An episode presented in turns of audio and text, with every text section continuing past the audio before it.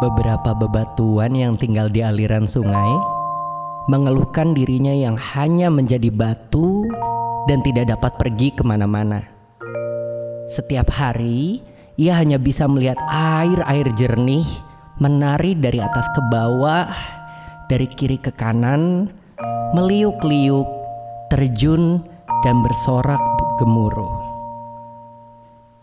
Ia adalah batu sungai yang berwarna hitam ia sangat keras.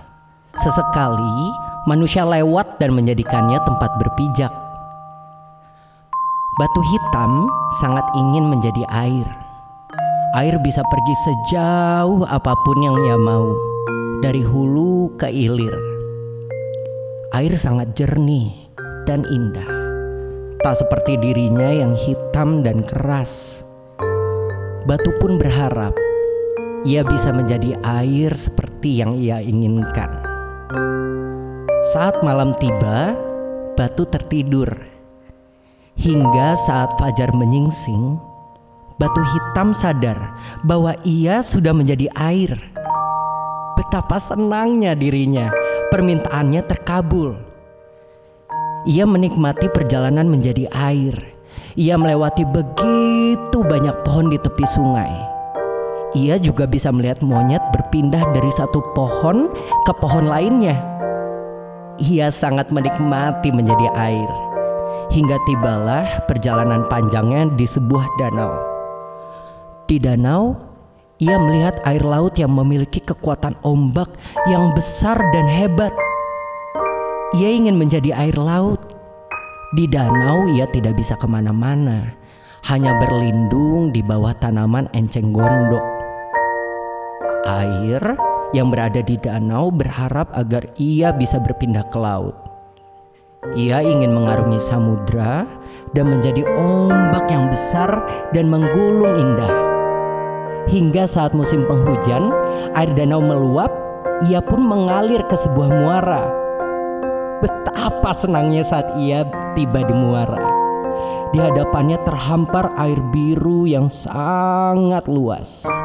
Di lautan yang luas itu, ia berada di antara jutaan liter air yang rasanya asin.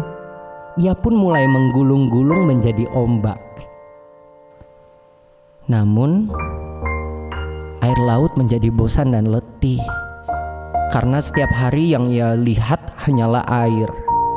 Sejauh mata memandang, hanya ada air jika ia membentuk ombak dan mengalir ke pantai, dengan cepat akan terdorong kembali lagi ke lautan. Sesekali ia melihat ke atas. Ada awan yang tampak bergumpal-gumpal dan bergerak indah seperti sedang menari. Pasti akan sangat menyenangkan menjadi awan karena ia bisa melihat dunia dari atas sana awan bisa melihat lautan luas, melihat hutan, melihat pedesaan. Air laut sangat ingin menjadi awan yang bisa melihat semuanya dari atas. Tiba-tiba, air laut menguap ke atas dan menjadi awan. Di atas ia merasa senang. Ia bisa melihat burung-burung, ia juga bisa melihat pepohonan besar. Namun, awan yang berada di atas dan menggantung di sana kerap merasa bosan karena ia hanya bisa bergerak jika ada angin yang meniup dirinya. Saat siang hari, ia juga merasa kepanasan terkena sinar matahari yang terasa begitu dekat dengannya. Awan pun ingin menjadi hujan, turun kembali ke bumi dan tinggal di bawah sana. Di bumi ia bisa berlindung di bawah pohon yang sejuk. Awan pun berdoa agar ia bisa menjadi hujan.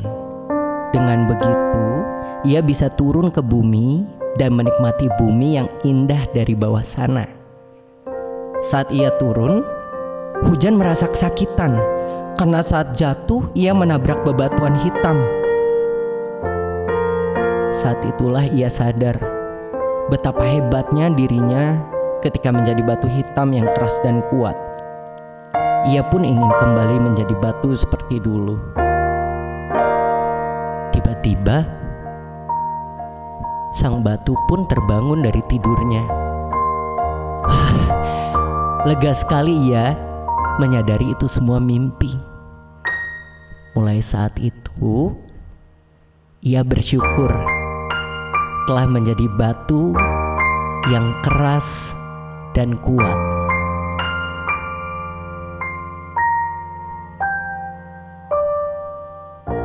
Selamat tidur.